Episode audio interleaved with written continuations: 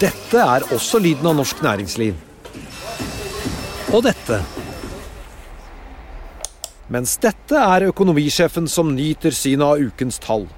Med økonomisystemet Xledger har du alltid kontroll og oversikt.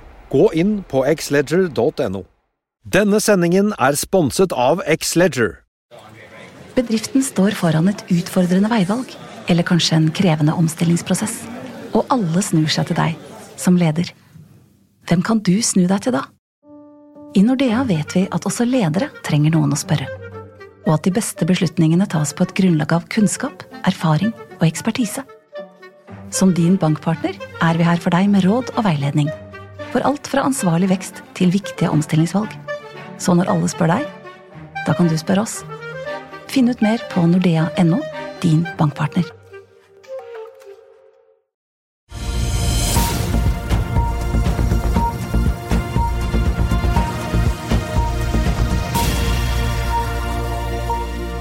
Riktig god morgen og velkommen til Børsmorgen her hos oss i Finansavisen på denne 4. januar. Mitt navn er Marius Lorentzen, og jeg er med med aksjekommentator Karl Johan Målnes her fra Smestadammen i Oslo. Og Nyhetsbildet på denne torsdagen preges av at Equinor og BP legger deler av havvind-gigantutbyggingen Empire Wind på is. Revisoren til Univid trekker seg med advarsler om lav likviditet i selskapet. Og så er det litt oppdateringer ute fra Salmon Evolution og en kontrakt til NSC Group også. På kalenderen i dag så er det nok boligpristallene for desember og 2023 fra Eiendom Norge som vil få mest oppmerksomhet. Desember er jo en ganske svak måned vanligvis. Og frem til da november så hadde prisene i Norge steget med 1,3% Handelsbanken venter en vekst da på 0,3 fra november til desember, justert for sesongvariasjoner, eller et nominelt fall da på 0,8. For så ta med at Obos kom jo med sine tall for Oslo-markedet i går, som viste et fall da på 2,9% litt mer enn normalt. I tillegg så har Wow Green Metal sikret seg en stor avtale med Elkem, og vi får med oss sjefen i selskapet for å høre hva den avtalen gjør for dem straks. Vi skal også grave oss ned i fornybare og fremvoksende markeder i dag, når Terje Pilskog, konsernsjefen i Skatek, kommer til studio litt senere i eh, sendingen. Hovedveksten hentet seg jo inn i går og endte til slutt akkurat på nullpunktet, 1306 eh, poeng. og I dag er det ventet en oppgang på 0,3 av både DNB og eh, Nordnett. På Wall Street i går så, så vi en ny sur dag der også Dow Jones ble dratt ned i rødt, selv om den klarte å holde hovedet over vann da på tirsdag. Både Dow Jones og SMP endte ned 0,8. Nasdaq falt igjen litt over prosenten, og ifølge Wall Street Journal så er det første gang siden 2015 at vi har sett en sånn dobbel nedtur fra starten av året. Vi får ta med Apple, som jo falt nesten 4% på tirsdag. De fortsatte ned da tre kvart prosent i går. Og i Asia i dag så er det litt mer blandede tall etter at det var en nedgang i går. Nikkei er likevel ned da rundt halvprosenten i eh, dag. Nordsjøoljen og oljeprisen tikker videre oppover. Nå er vi oppe en halv prosent eh, omtrent på spotprisen til 78,70. Vi var jo helt nede på 74,75 i går. Produksjonsstans i Libya, lagertrekk i USA og uroen i Midtøsten bidrar til den kraftige prisoppgangen vi har sett siden i eh, går. Og Hvis vi holder oss innenfor oljen, men vrir til en litt annen del av oljen, får jeg si, så får vi ta dette som da har skjedd på havvind. Equinor og BP parkerer nemlig Empire Wind 2-prosjektet sitt utenfor eh, New York. Eller de resetter det for å søke nye muligheter, som de selv skriver i eh, meldingen. Rent teknisk sett så har de terminert kraftsalgsavtalen de har med delstatsmyndigheten i New York, Nyserda. Nå blir det da ikke noe av parken på inntil 1,26 gigawatt før ja, en bedre salgsavtale er på plass, etter at inflasjon, renter og problemer i forsyningskjeden har presset økonomien i prosjektet og havvind generelt ganske hardt den siste tiden. og Dermed er det nå bare Empire fase 1 som er litt mindre, som man jobber videre med. og Nyheten gjør jo at kapitalmarkedsdagen til Equinor i starten av februar blir ekstra spennende. og Spørsmålet blir jo da vil de justere på fornybarmålene som de har satt av for 2030 på at de skal ha en installert kapasitet på mellom 12 og 16 gigawatt. Jeg nevnte NRC Group, infrastrukturselskapet, har sikret seg en kontrakt, eller i hvert fall innstilt en kontrakt med Forsvarsbygg på arbeid da knyttet til Håkonsvern utenfor Bergen. Kontrakten har en verdi på litt over 600 millioner og skal løpe da fra februar frem til juni 2027. Og så har Salmon Evolution kommet med en oppdatering. De hadde en stående biomasse, dette oppdrettsselskapet som driver med oppdrett på land, på 2200 tonn per 31.12. I fjerde kvartal var slaktevolumet litt over 1100 tonn, og i første kvartal i år så venter de da et slaktevolum på mellom 800 og 1000 tonn, og deretter en betydelig økning fra andre kvartal og utover. Da skal jeg si velkommen til dagens første gjest, som vi tar inn for en oppdatering. For hun var her for nøyaktig en måned siden. Nå har dere altså landet en stor avtale med Elkem med Cecilie Jonassen i Wow Green Metals. God morgen. God morgen.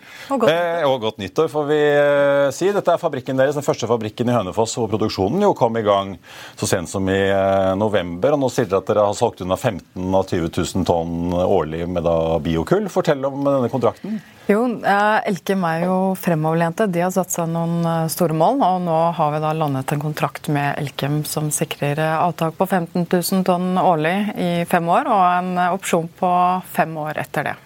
Dere produserer jo biokull. Vanligvis bruker man jo si, fossilt kull til ja. å i Elkems tilfelle fjerne oksygen for å produsere silisium til ja, solcellepaneler og mye annet. Ja. Eh, hva gjør dette med fabrikken deres? da? 15 og 20 000 tonn, Betyr det at den går i pluss på egne ben? Ja, eh, da vil fabrikken gå pluss på egne ben. Eh, og så er det sånn at vi har holdt av de siste 5000 tonnene til andre kunder. Det er jo andre selskaper som Motocompo som gikk ut her tidligere altså i 2023 og inngikk en avtale med en konkurrent av oss på leveranser av biokarbon. Så vi jobber aktivt med andre også for leveranser. Det er viktig at vi bygger det markedet fremover. og altså Det må være relevante volumer. Og 5000 tonn det er faktisk ikke så veldig mye, men det er allikevel nok til at uh, det er et relevant volum for industrielle avtakere. For hvis HTP Elkem skal bruke biokull til å kvitte seg med CO2-utslippene, så trenger de mange hundre tusen tonn årlig? Vil jeg tro. Det gjør de. Så ja. 15 000 tonn er uh, en sped start på mange måter for, for, dette her. Men vi jobber jo også med flere nye prosjekter, sånn at vi kan sikre at vi kan levere nærmere de 100 000 tonnene, 100 000 av tonnene de trenger. Ja, for dere er jo, som vi snakket om sist, i prosess med å planlegge flere fabrikker også. Ja. Men hva, hvordan, er, hvordan settes prisen Elkem betaler dere her? Er det en fast pris, eller er det Det er knyttet til råstoff, selvfølgelig, og innsatsfaktorene. Så det er en prismodell som vi har jobbet opp sammen sammen med, med, Elkem. Vi har en samarbeidsavtale med Elkem som sikrer på mange måter at vi har lagt et godt grunnlag for, eh, for begge selskaper her. Da. Men Betyr det at dere har sikret en viss margin, gitt da hvis råstoffkostnadene deres skulle øke, så, så får dere også mer betalt, eller? Altså, vi sikrer at eh, fabrikken eh, går i pluss, og har da klart å få, få gode betingelser for fabrikken vår. Og eh, jeg ser i meldingen Dere skriver jo litt at dere er fortsatt i en kvalifiseringsprosess. Er det noe risiko her for at eh, dere ikke klarer å levere, at Elkem da faktisk tar imot disse volumene? Nei, det viktigste her er egentlig det at vi klarer å få et eh, produkt som er altså optimalt. Så det handler om å tilpasse det og sørge for at vi får gode utbytter. og selvfølgelig, Der er det jo alltid noe å hente. Så det er innkjøringsprosess. altså Det det er store fabrikker, det får konsekvenser om man gjør feil. så vi, vi skal ta alle stegene som man må i en sånn prosess. og Det, det er, en del av, det er en del av gamet. Til slutt, da, Når er det vi kan forvente at inntektene faktisk begynner å synes i regnskapene deres? At dere får en uh, kontantstrøm inn i systemet av dette her? Ja, Nå begynner jo for så vidt med den første produksjonslinja som allerede er eh, på plass, og som eh, produserer i løpet av året. Det er jo et litt mindre volum, men vi kommer til å bruke den linja til å til spesielt denne kvalifiseringsløpet. Da. Eh, så det, Vi forventer jo at det skjer noe i år, men det er klart at det er oppstartskurve på fabrikker. så her, eh, Men det, kommer, ja, men det kan fort bli 2025 før man er på 15 000 ja. tonn til Elkem? da? Ja. ja. Det er, eh, det, er, det er, ikke helt å bare skru på knappen, men det er lagt inn alt av kalkyl også. En forventning, oppstartskurve på, på fabrikk. Ja, Men da fort 2025? Ja. Er det dere regner med? Du, Cecilie Johansen i Wager Metals, tusen takk for at du eh, kom til oss. Vi sier gratulerer og godt nyttår med kontrakt. Da skal jeg si god morgen, eh, Karl Johan. Vi skal få inn skatek-sjefen her eh, snart. Men Wager Metals stiger jo en 12% har en hyggelig dag i dag. Børsen er opp litt over prosenten med en stigende oljepris, og det lysner jo litt. Men eh, det er kanskje noe sånn der, litt sånn krigsøkonomi som ligger under her med holdt jeg på å si, drama i Rødehavet og en stigende oljepris. Du skriver jo om eh, vår eh, kjære venn og holdt jeg på å si, Joe Biden og hva som ja. skjer i USA det, det er, i dagens avis. Det er spesielle tider. Vi, vi, ser jo det av europeisk økonomi at uh, Tyskland er omtrent i double dip recession. Og det merkes jo på de sykliske resultatene for uh, selskap som Melkem og Norsk Hydro. og, og uh, både Joe Biden og Gjellen de nekter jo for at det blir nedgangskonjunktur. De er jo avhengig av å holde dette gående. Det er valg, og, og, eh, men alt tyder jo på at vi er på vei inn i en nedgangskonjunktur. Får vi det, så får vi kraftig nedgang i rentene. og da Gjeldkurven er jo invertert, og det er jo for at man venter på at du skal få en naturlig stigning hvor du får høyere renter dess lenger fram i, i, tid du går. Og, og, eh, det er jo da eh, Da får du fall i resultatene, så får du, får du rensa systemet, og så får man da en ny syklus. Eh, og da er det vekt, vekt på emerging markets. Og, vi har hatt dette før, år, rundt år 2000, når teknologiaksjene stupte. Så den nye syklusen som kom da, var jo eh, emerging markets. Så du kunne kjøpe alt. Du kunne kjøpe i Asia, du kunne kjøpe i Øst-Europa med, med altså, selskaper som Telia og Telenor som solgte til Øst-Europa, selskap i Latin-Amerika. Det spilte ingen rolle hvor du gikk, der, for oljeprisen var lav. Men det er klart, når oljeprisen er oppe på 70, og hvis Herbjørn Hansson får rett da, Han spår jo 30, eller hva det er? Ja, han, er, han har vært veldig flink til å spå oljeprisen. Hvis han får rett i at den skal gå i 20-30 dollar fatet, da, så er ikke liksom Brasil da nødvendigvis det mest foretrukne emerging markets. Men jeg tror du får en, du får en ny type emerging markets-fond som kommer til å bli veldig populære. Og i mellomtida har jeg også sett at Kina, som, som ikke var aktuell liksom tidlig på 2000-tallet, ble veldig populær. Indeks, uh, Kina var veldig bra. Nå er Kina helt ute, da. Men beste emerging markets akkurat nå kanskje Polen, P7. Kanskje til og med hvis at oljeprisen faller, så er, det, så er det til og med Tyrkia investerbart.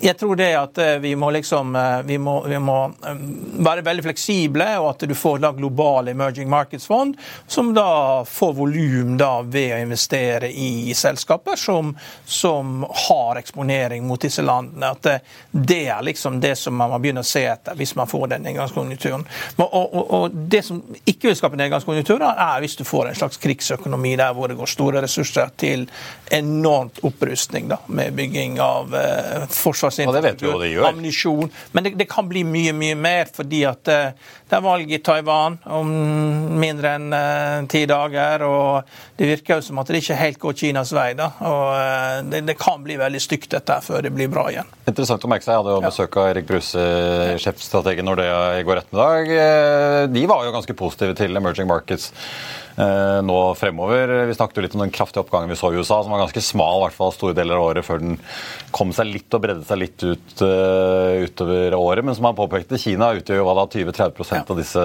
emerging markets-indeksene. India har fortsatt en ganske liten andel, selv om veldig mye av investeringene som vi ser fra disse store konsernene, vris jo både til India og en del av disse andre landene rundt Kina, da, hvor man flytter produksjonen og Ja, men jeg tror det her, eh, her vil en aktiv forvalter kunne tilføre mye. Og Skattek er jo et selskap som passer inn i dette. her. Det kan godt hende det er en av de aksjene som passer inn. Da passer det jo bra å ta inn sjefen. Vi skal få med oss Terje Pilskog og er tilbake rett etter dette.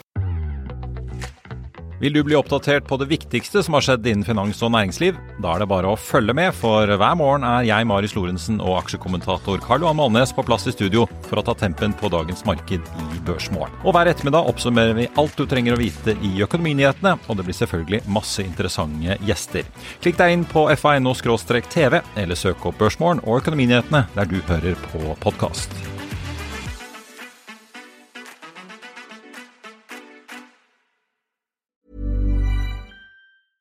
It's that time of the year. Your vacation is coming up. You can already hear the beach waves, feel the warm breeze, relax, and think about work. You really, really want it all to work out while you're away. Monday.com gives you and the team that peace of mind. When all work is on one platform and everyone's in sync, things just flow wherever you are. Tap the banner to go to Monday.com.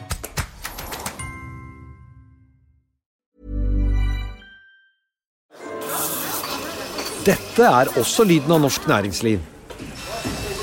Og dette. Mens dette er økonomisjefen som nyter synet av ukens tall. Med økonomisystemet Xledger har du alltid kontroll og oversikt. Gå inn på xledger.no. Da skal vi til vår hovedgjest i dag, som ikke bare leder en stor bedrift i en bransje som har hatt et krevende år i det siste, men som også har klart kunststykket å stramme inn vekstplaner og utbytter, og få får vi si, stående applaus fra aksjemarkedet likevel. Og med et nytt år i gang, så er vi jo spent på å høre hva som skal skje nå i år i Skatek. da, Terje Pilskog, konsernsjef, velkommen til oss. Tusen takk. Godt nyttår. Godt nyttår. Jeg nevnte ikke aksjekursen. Dere var vel på 55 kroner før Q3-rapporten. Og så voldsom god respons. Nå ligger vi jo vel på en 75 eh, omtrent. Tweaket ned investeringsplaner. Sa dere skulle klare dere uten emisjon og kuttet utbytter. Mm. Hvordan opplever dere selv på en måte responsen etter den ganske sånn store omleggingen dere gjorde? Ja, jeg vil jo si at, eh, at eh, som, som, du selv sier, altså responsen har jo vært positiv. og så hoved, Hovedpoenget i det som vi kommuniserte i forbindelse med Q3 når det gjelder strategi, er jo at vi har en selvfinansiert vekststrategi videre fremover. At vi da ikke skal ut og hente, altså bare bekreftet at vi ikke skal ut og hente kapital, men at vi legger opp til en strategi som er basert på en eh, fortsatt bra vekst videre, med en investering på ca. 500-750 millioner i egen egenkapital eh, årlig. og og at den veksten blir finansiert gjennom egne midler og gjennom hva skal vi kalle det, rotering av kapital, recycling of capital. Dvs. Si at vi optimerer porteføljen vår over tid. Vi selger oss ned i ikke-kjernemarkeder, slik at vi kan da bruke den eh, kapitalen og reinvestere den i nye, attraktive prosjekter. Og Det bør jo være bra for aksjonærene. Fortell litt, eh, Hvis man går gjennom uh, pressemeldingslisten dere har sendt ut i det siste. Jeg satt og så på det i går og forgårs. Det er jo en lang smørbrødliste. Dere har solgt unna rett før nyttår uh, eierandeler i, i denne solparken Mokuba i Mosambik. Dere har solgt unna i Rwanda. Uh, mange ulike ting her. Og så er dere i gang med, med produksjonen på Kenart i Sør-Afrika. Dere har landet ny finansiering på dette leasingselskapet deres Release. Det virker jo som det er en sånn skikkelig sånn housekeeping som eh, går. Vil det prege mye av også starten av 2024, eller litt som du sier, eh, recycling ja, vil, av kapital? Jeg vil jo si at Du kaller det smørbrødliste. Ja. Jeg, jeg, vil si at liksom det er mange det er mange individuelle eh, actions, aktiviteter, transaksjoner, som passer inn i den historien og den strategien som vi har kommunisert. Og det, handler om, det handler om optimering av porteføljen vår. Sørge for at vi både i forhold til uh, operating assets, men også i forhold til utviklingsporteføljen vår, fokuserer på more, mer uh, prosjekter som har en kortere utviklingssyklus, og vi kommer raskere til produksjon, generering av strøm, og kommer raskere til inntekter knyttet til de uh, prosjektene som vi, som vi jobber med. Så det handler jo delvis om det.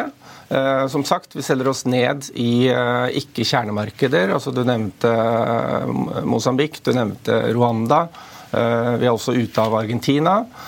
men det betyr ikke altså Fokuset vårt i forhold til rotering av kapital og reinvestering av kapital handler ikke nødvendigvis bare om ikke-kjernemarkeder. Vi vil også se at det kan være hensiktsmessig å gjøre det i kjernemarkeder. Som dere har gjort i Sør-Afrika, har jo sett blant annet. Ja. For å reinvestere den kapitalen i nye attraktive prosjekter, og også bruke det som et verktøy til potensielt sett reposisjonere porteføljen vår litt over tid, og sørge for at vi har en god og diversifisert portefølje som vi utvikler videre og, og vokser videre. Men jeg ser jo, Hvis man leser disse meldingene, så frigjør dere også en ting er jo kapital og penger, men dere frigjør også folk. For dere sier jo fra dere driften, ikke sant? så det blir jo også mye ressurser som frigjøres og flyttes internt internt. Ja. Hvor lenge pågår den prosessen med på en måte geografi? og for jeg antar det, det krever jo litt av organisasjonen nå? på en måte? Ja, det er klart det krever litt av organisasjonen. og, og, og dette, er ikke, altså, dette er liksom ikke et, uh, dette er ikke et, uh, noe som på en måte vi, vi gjør nå i løpet av tre måneder eller seks måneder, og så er det ferdig. Som sagt, Dette er en, dette er en langsiktig strategi. Vi får til å sørge for at vi, vi, vi fokuserer på vi, visse kjernemarkeder. Det tar litt tid å selge et prosjekt i Mosambik eller, eller, eller, Rwanda også. Eh, sånn at vi sier at liksom, eh, å, å, selge unna ett til to prosjekter i gjennomsnitt uh, i løpet av et år, det tror jeg er på en måte en fornuftig ambisjon for oss. Karl, Det er jo en fascinerende bransje. Ja, det, er, det er jo to bransjer. Er jo to bransjer, det er solenergi, og de har jo kjøpt vannkraft også. Så, så kan, du, kan, du, si litt om hvordan sol og, og, og vannkraft hvordan, hva er liksom størrelsen? Jeg ser gjeld på 26 milliarder, og market cap på 12 milliarder. Hvor mye er det som er vannkraft, hvor mye er det som er solkraft av dette her i, i balansen nå? Ja, Hvis du ser på underliggende kontantstrømmer som, som, eh, som kommer inn, og også hvis du ser på vår proporsjonale EBITDA, så er ca. 50% vannkraft og 50%, 50 eh, sol og, og annen fornybar. Og, og, det, er riktig, det er jo sånn at uh, altså Det er viktig å skille mellom altså Du refererer til et visst beløp gjeld. Der er det jo veldig viktig å skille på hva som er ikke, altså non-recourse gjeld på prosjektnivå, og hva som er gjeld på, på konsernnivå. I, konsern, ja. I, konsernnivå, på konsernnivå.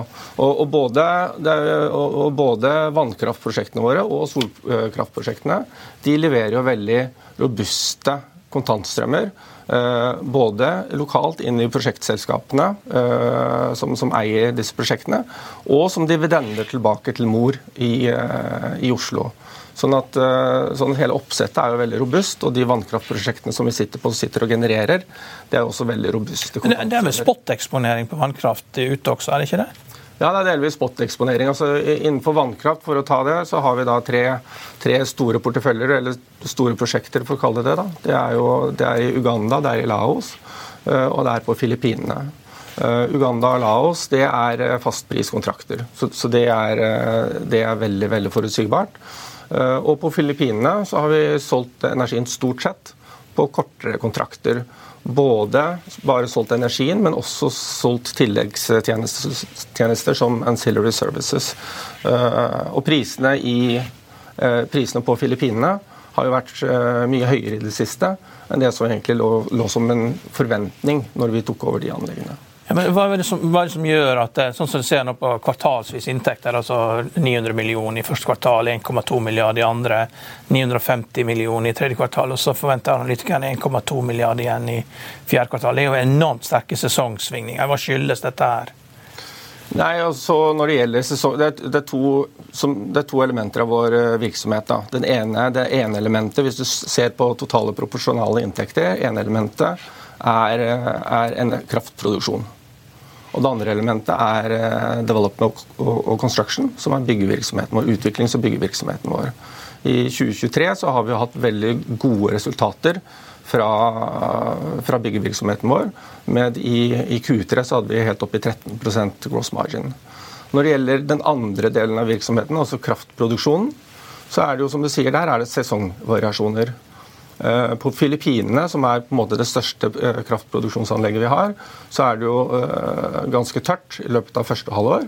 Og ganske vått i løpet av andre halvår. Så det som vi har sagt til kapitalmarkedet, er jo i et gjennomsnittsår på Filippinene så kommer ca. 30% av kraftproduksjonen første halvår og 70% av kraftproduksjonen andre halvår. Så det er jo bare snakk om hvor mye det regner i de forskjellige sesongene i, i løpet av året. Men alle, alle selskap, all utenlandsk selskap, dere er jo et utenlandsk selskap. når er, Dere må jo gjøre noe da, for å få lov til å være med og investere i disse prosjektene. Det, det dere gjør, er jo at dere bygger ut eh, dette. Bygger ut, men, men, er det stor utbyggingsaktivitet på solanlegg nå også framover for dere? der at eh, dere engasjerer? Er det god lønnsomhet på utbygging, eller er dette her liksom sånn at verdien av solanleggene blir mindre og mindre. altså Det er mer og mer effektivt, prisene går ned. Det er vanskeligere å tilføre verdi fordi at det blir mer press på arbeidskraftkostnader. og det, det blir mer effektivt da, at den bransjen utvikler seg. Hvordan, hvordan, hvordan er det dere Hvordan, hvordan passer Skatek inn i, i en verden der ting blir billigere for solkraft? Hva er det som skjer der? Altså, for det første så er det viktig å si det at solkraft blir billigere, ja. Eh, det er jo veldig positivt. Det er positivt Hyggelig for, for konsumenten. Ja. Det er positivt for oss. Eh, det er positivt for energisituasjonen i de fleste av de landene hvor vi jobber i. Og det er selvfølgelig også positivt for, eh, for klima over tid, etter hvert som man øker investeringen innenfor sol. Så, så, generelt sett så er jo det at kostnadene og prisene på sol går ned, er jo veldig positivt. Det gjør jo at sol og til en viss grad vind nå, er i de markedene hvor vi opererer, er jo uh, by far det mest konkurransedyktige kilden til strøm. Ikke bare uh, som, en, som, en, strømkilde som kan produsere akkurat når solen skinner, eller når vinden blåser, men også når man nå kombinerer inn med batterier, så vil man også kunne levere strøm mer forutsigbart fra disse fornybarkildene. Så, så dette er helt klart den mest attraktive kilden til ny kraft i de landene hvor vi opererer. Så Det er jo veldig positivt for oss. Uh, og Så uh, stiller du litt spørsmål om hvordan kommer vi til disse prosjektene. Og der er Det jo sånn at det handler ikke bare om at vi bygger, men det handler også om at vi utvikler. Vi kommer, inn, vi kommer inn tidlig og deltar i utviklingsaktiviteter, sikrer prosjekter på tidlig fase og bruker vår kompetanse på tvers av våre ulike funksjoner innenfor utvikling, bygging, finansiering, drifting til å optimere disse anleggene slik at det blir konkurransedyktige anlegg i det, i det lokale markedet. Og så er det selvfølgelig konkurranse, som du sier, om å vinne kontrakter, om å selge strømmen, om, om, om å realisere disse prosjektene. Eh, men det er også derfor vi har sagt at vi fokuserer på noen kjernemarkeder. Og vi ser at fornybar har en viktig rolle å spille på lang sikt. Altså Vi snakker om Sør-Afrika, vi snakker om Brasil, eh, vi snakker om Egypt, India, Filippinene. Polen f.eks., altså store markeder som i dag har en veldig stor del av sin kraftproduksjon fra fossile energikilder, og som over tid på et eller annet tidspunkt må over på fornybarkilder, og hvor fornybar er en attraktiv kraftkilde i de landene. Så, så både uh, vi tenker langsiktig, vi bygger porteføljer også på utviklingssiden over tid, og vi gjør det i markeder hvor vi oppfatter at det er uh, en forutsigbar etterspørsel etter fornybar energi i ja, altså, fremtiden. Krever de som finansierer det, at eh, det er dere som skal være med og bygge dette, slik at det liksom begrenser konkurransen fra lokale parter? Er det, er det sånne ting som skaper inngangsbarrierer for konkurranse utenfra? Det, er, det synes jeg er et godt poeng. for Det er helt klart at vi, vi, har jobbet med å utvikle og bygge fornybar i fremvoksende markeder i snart 15 år. Eh, vi har gjennom det bygget opp en, en, eh, en, en bra credibility i forhold til finansieringsinstitusjoner. De vet hvordan vi, vi jobber, de vet med hvilken kvalitet vi jobber. Eh, de vet at de kan stole på oss. slik at nå er det ikke bare sånn at som du sier, det kan være en det kan være en, en eh, konkurransebarriere for andre, men det er også sånn at øh, finansieringsinstitusjoner gjerne kommer til oss med prosjekter, eller ønsker at vi deltar i prosjekter, fordi at de er kjent med, kjent med hvilken måte vi faktisk gjennomfører prosjekter på. At vi har et langs, langsiktig perspektiv på det vi holder på med, og at vi gjør det med kvalitet. Ja, litt som jeg så, Dere fikk vel Verdensbanken med på å garantere finansieringen til leasingselskapet Release her nå nylig? Ja. Men si litt om de finansielle forholdene for egentlig både dere og næringen nå. Da. Som jeg sa i introen, rentene har jo steget kraftig. Store aktører som Equinor og BP, Stramøyen, Ørsted har jo store problemer. Vi har jo sett flere. Dere har også tatt ned vekstplanene skal være selvfinansierende. så Man ser jo hvordan rentenivået har påvirket eh, hele fornybarnæringen og segmentet, egentlig. Mm. Likevel, på ganske kort tid før jul så så vi jo langrentene komme ganske mye ned. Nå går vi inn i et nytt år. Du har akkurat vært på klimatoppmøtet COP i Midtøsten, hvor man jo snakker om hva som må til på sikt, men det er jo noe med å realisere dette. Hvordan ser forholdene ut nå? Er det noen lettelser i lånevilkår, eller er det fortsatt veldig kresne kapitalmiljøer og høye finansieringskostnader som fortsatt eh, preger næringen? Nei, altså, vi oppfatter at sentimentet, er, sentimentet snur litt. Som, som, dere har vært inne på, 2023 har jo vært et, et, et år i hvert fall fra liksom renteperspektivet vært, og makroperspektivet har vært ganske krevende. Uh, og vi tenker vel, De fleste tenker vel at nå er vi i hvert fall over peak, og, og, og, og ting er på vei nedover igjen. Altså, blant annet selvfølgelig rent, Rentebildet i USA er jo veldig mye på vei ned. Og Så får vi se hvor fort det går. Uh, men sentimentet ser vi at det, det, er på vei til å snu. Så sent som i går eller dagen før så var vel Sparebank1 Markets ute med en sentimentanalyse knyttet til fornybar. Uh, hvor uh, de fleste som hadde svart, indikerte at de ønsker å vekte seg opp i fornybar inn og, gjennom 2024. Uh, men at de likevel i dag var undervektet. Så, så, så, jeg ser for meg at det kommer til å, det kommer til å være et, et, mer positivt sentiment. Da. Det er klart at det at renten er på vei ned, det er positivt for oss. Og det er positivt for fornybar. Og det er også positivt for uh, fremvoksende markeder, emerging markets. Uh, sånn at uh, sånn det som er konsekvensen for oss knyttet til det, det er først og fremst at prisen på fornybar energi vil kunne komme ned gjennom at rentebetingelsene knyttet til finansiering av lån vil bli lavere. Men det vil også gjøre at, at våre lånekostnader på konsernnivå vil gå ned. og Det er jo selvfølgelig også positivt for oss, for da får vi jo mer fri kapital til å investere i nye prosjekter. Eh, I tillegg til, til det, da, det, som, det som skjer um, og Jeg så, så også den, eh, den, kommentaren til Stumpdal i Finansavisen her i går eller dagen før, uh, som snakker om at uh, fornybar kommer til å bli dyrt. Det, ja, man skrev vel med, det var vel med batteriprisen det, eh, regner både, ja, ja. det var vel i Sør-Afrika han tok utgangspunkt i? Han tok utgangspunkt i Sør-Afrika, og så brukte han det og, og relaterte til et norsk eksempel og vindkraft i Norge. Som selvfølgelig er noe veldig annet. Men, men, men det som vi ser nå, er jo at komponentprisene har kommet betydelig ned gjennom 2023. Eh, vi ser at batteriprisene kommer ned betydelig. Eh, altså den innovasjonstakten og oppskaleringstakten man ser innenfor batterisegmentet, er jo helt enorm. Eh, og så ser vi selvfølgelig, som du også nevnte, at rentekostnadene kommer ned. Så alle disse elementene trekker jo kostnaden av fornybar ned betydelig, som gjør at, som jeg sa for litt siden, fornybar er ikke lenger bare konkurransedyktig som en intermittent power source, som kan, når, som kan levere når vi produserer, men også Eh, som en baseload eller en forutsigbar energikilde. Det betyr ikke at du trenger å, å sammenligne det på 24-7. For det handler ikke nødvendig, altså det er ikke sort eller hvitt. ikke sant? Det bare det at du kan produsere forutsigbar og dytte noe av kraftleveransen inn i peak hours mellom type 5 og ti om kvelden, gjør at det er veldig mye mer attraktivt.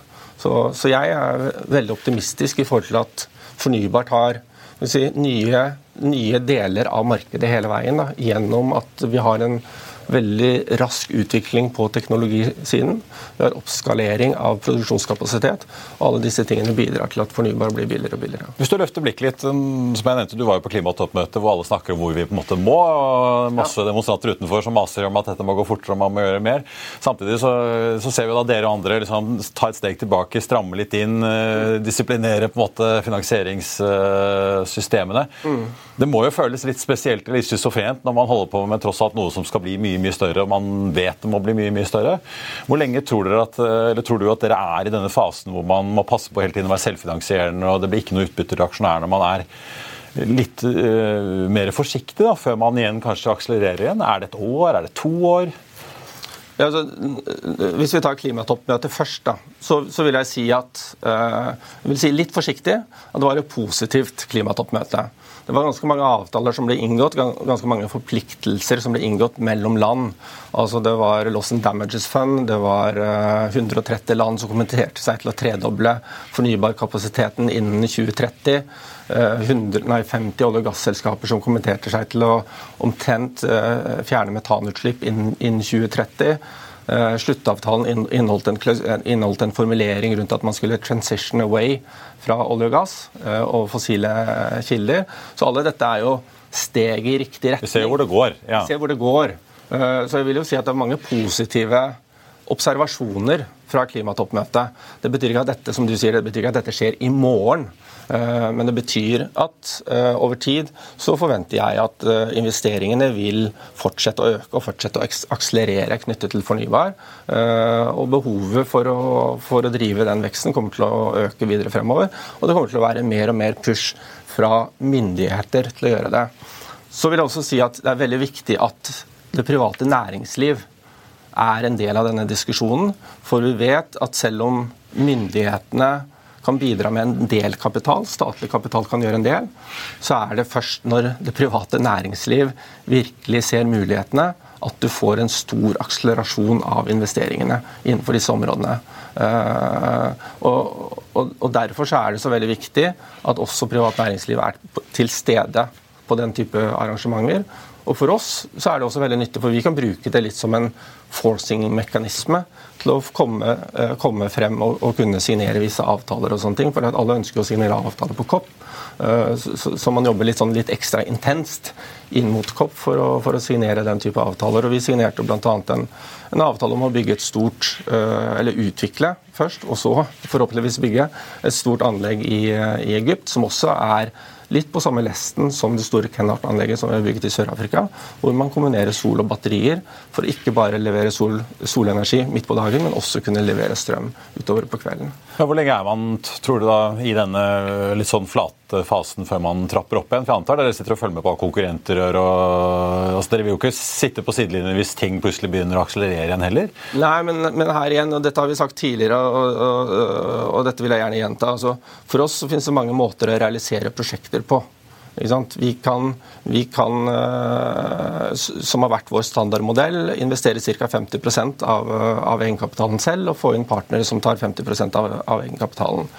Vi kan legge prosjektene våre inn i plattformer hvor vi får inn andre investorer inn i de plattformene, og, og, og levere prosjekter inn i plattformer, slik at vår andel av egenkapitalen blir en mindre del av, av totalen.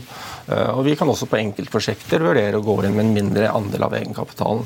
Så, så jeg tror at det er jeg tror at det er eh, kapital der ute som kommer til å være villig til å være med oss på å investere i, prosjekter. Så jeg ser ikke nødvendigvis at, at, at, vi har sagt at vi nå ikke skal ut og, og hente ny egenkapital, at det er noe, nødvendigvis noen begrensning på den veksten vi kan oppnå videre fremover. Vi må snakke litt om eh, effekten av IRA, altså Inflation Reduction Act òg, da. som eh, ja, jo... stadig modnes frem. Ja. liksom. Nå var det jo veldig entusiasme og engasjement i fjor. Nå virker det jo litt som ja, men, en, noen realiteter synker inn, selv om amerikanere åpenbart skal bygge chipfabrikker og mye Nels CFO var jo her. Han sa jo greit, veldig greit at uh, hydrogenet i Nord-Afrika er dødt etter Jaransan, Bjørnsen. Da, blir jo ikke noe av det. Og Det løser jo et problem for dere, da, at IRA liksom slipper å ta den beslutningen. For det er ingen andre som gjør noe heller. Ja, for det jeg lurt på, hva, hva ser dere nå? Hvor mye suges til i USA? Hvor mye kapital og interesseprosjekter blir det i type Egypt, Nord-Afrika og for så vidt ja, altså, jeg, jeg jeg andre markeder der opererer? Ja, jeg tror ikke den historien er ferdig ennå. Akkurat liksom hvordan USA versus resten av verden kommer til å se ut når det gjelder grønt hydrogen. Altså, vi er, vi er foreløpig veldig tidlig i den prosessen. Altså, IRA har jo foreløpig kommet ut med en del indikasjoner. og det er klart at Basert på de indikasjonene for grønt hydrogen, så ser det ut som det, er, eh, som det meste av investeringer skal skje i, eh, i USA.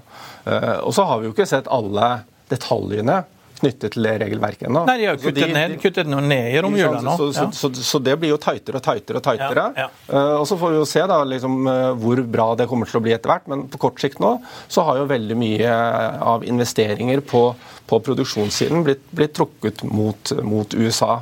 Uh, men vi ser fortsatt fra Europa at det er støtte til å også realisere den type prosjekter i Nord-Afrika. Og det er ikke noe tvil om at Nord-Afrika fundamentalt sett når du liksom tenker på de fundamentale forhold, kostnaden knyttet til å produsere grønt hydrogen, hvordan det ligger relativt til Europa, til eh, shipping lanes osv., korridorer, så er det jo ikke noe tvil om at de ligger godt an.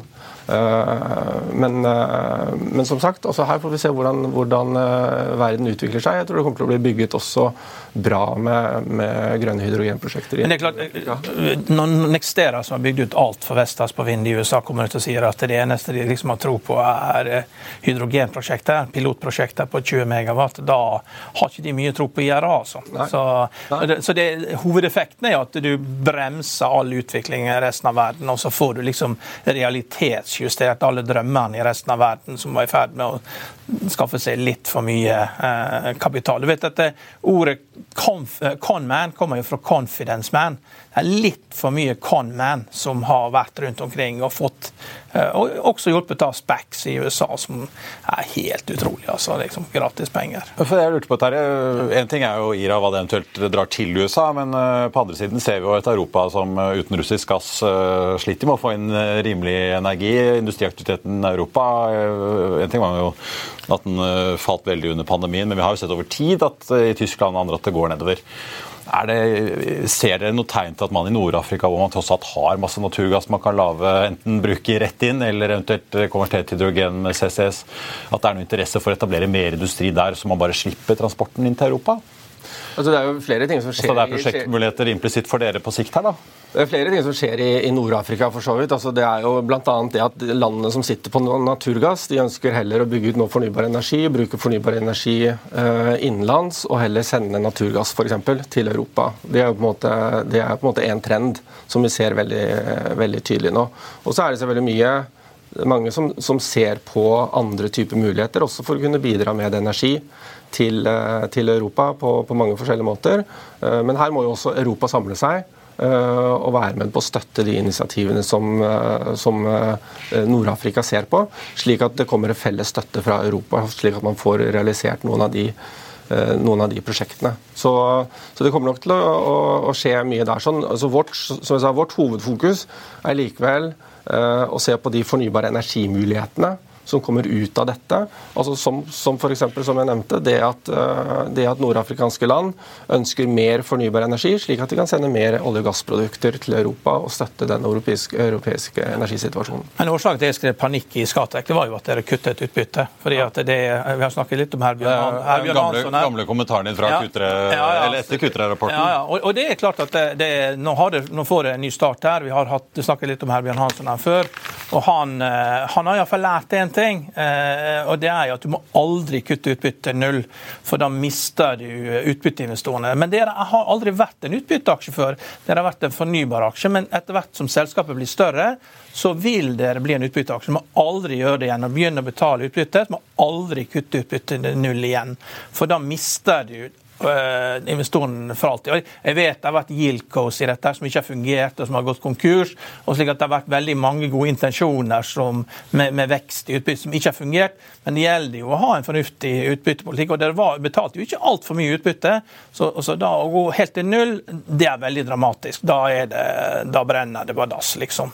Og, det, og, og, Hvis man da sier noe annet men alt er under kontroll her, etter alt som skjedde og, og eh, det, Fortsatt er det ti kjøpsanbefalinger, bare én salgsanbefaling. Så det er veldig tiltatt til det positive, på tross av at dere ikke har begynt å betale utbytte engang. Så det, det, Jeg ser det som en ny start for dere. Da må dere bare komme i gang og levere, og så må ting gå seg til av seg sjøl. Hvis rentene kommer ned, så hjelper jo det, selvsagt. Ja, så er det jo, altså, jeg, eh, Vi kan ha en lang diskusjon om den, eh, ja. den kommentaren der, sånn. Ja, ja.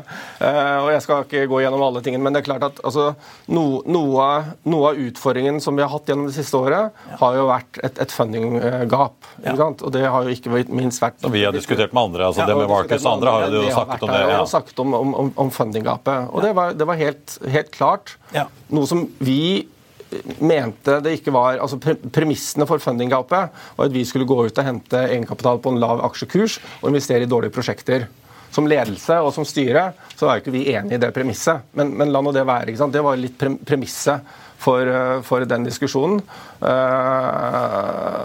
og så var det jo da viktig for oss uh, å, å fjerne den bekymringen knyttet til selskapet. Og Det var jo det vi gjorde i Q3, og det mener jeg ble inkludert at, at, at vi stoppet i utbytte. Altså Utbyttepolitikken vår den har jo, har jo en, en, historie. altså Utbyttepolitikken vår var jo knyttet til å synliggjøre at vi klarer å få penger tilbake fra investeringene våre rundt omkring ja. i fornybare i, i, i emerging markets, opp til mor, og ta en andel av det tilbake til eierne våre. Så det var jo på en måte en, en synliggjøring og et bevis vi ønsket å bevise at vår forretningsmodell fungerte. Og Det er jo på en måte historien bak det utbyttet. Og Så gjorde vi et grep nå, eh, basert på å, fjerne bekymringen rundt, eh, rundt funding-gapet. Og Det tror jeg fungerte. Uh, og så skal vi nå levere på den strategien som vi har vært ute med i, forbindelse med Skulle Si, markedet har jo respondert, og så er det jo mulig at noen fond da ikke kan sitte i uh, Skatek. Men, uh, men det, hvis vi ser på Herbjørn så er det kanskje bedre å bare si null enn å kjøre den én centen som han har gjort en god del kvartaler jeg tror den har tjent, Nordic American. Herbjørn har vært over 200 000 private investorer. Ja, ja, ja. Så det, det har fungert for han. Ja. Og han kommer seg på Kramer på sin bensin. Helt på tappen av sendingen, Terje Pilskog, tusen takk for en uh, interessant prat uh, om det jeg tror kanskje ble et interessant uh, år også. Jeg tenkte bare å nevne helt på slutten at uh, Sparebank Markets er ute med en analytikeroppdatering i dag på KID. Oppjusterer kursmålet med 20 kroner til 130, gjentar sin kjøpsanbefaling. Den endte jo da i går på 113. Jefferies har regnet på Subsea 7, oppjusterer kursmålet med 20 kroner der òg til 190, og gjentar kjøpsanbefalingen. Den endte i går på 150. Hovedindeksen på Oslo Børs opp hele 1,4 4% nå faktisk til 13,25. Så ser det blir en veldig hyggelig dag med en oljepris som nærmer seg nå 79 dollar eh, fatet. Og Agri Metals, som er ute med en stor avtale med Elkem, opp litt over 15% Scatec opp eh, snaue prosenten. NSC eh, opp 7,3 på ny kontrakt med det norske forsvaret, sammen med Evolution opp 3,75 etter sin oppdatering på kvartalet. Det var børsmålen for denne torsdag 4. januar. Husk å få med deg Økonominyhetene 14.30. Da får vi med oss både NO-sjef Ole Erik Amlid, som gjør seg klar til den store årskonferansen på tirsdag. Og DNBs eh, sjef for personmarkedet personmarked, Ingjerd Blekli Spiten, som både har med seg ferske kortdata for hvordan vi nordmenn brukte penger i julen, og noen refleksjoner om en banknæring der det stadig skjer fusjoner og nye vendinger, og får vi si også en kamp mellom EU og Apple. I mellomtiden så får du som alltid siste nytt på FA1 og gjennom hele dagen. Mitt navn er Marius Lorentzen. Ha en riktig god torsdag, alle sammen. Vi ses.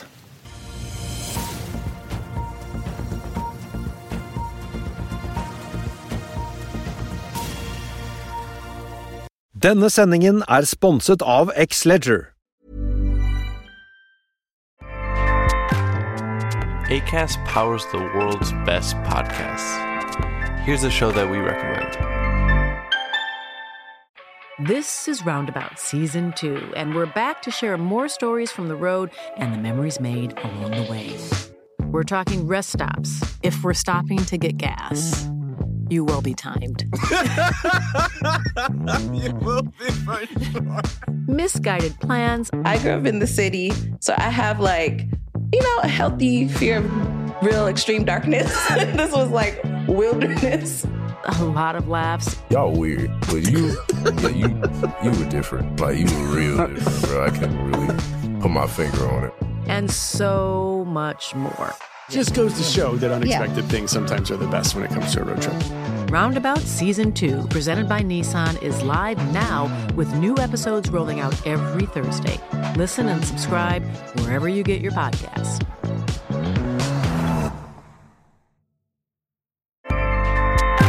ACAST helps creators launch, grow, and monetize their podcasts everywhere. ACAST.com. Økonominyhetene er en podkast fra Finansavisen. Programledere er Marius Lorentzen, Stein Ove Haugen og Benedikte Storm Bamvik. Produsenter er Lars Brenden Skram og Bashar Johar. Og ansvarlig redaktør er Trygve Hegnar.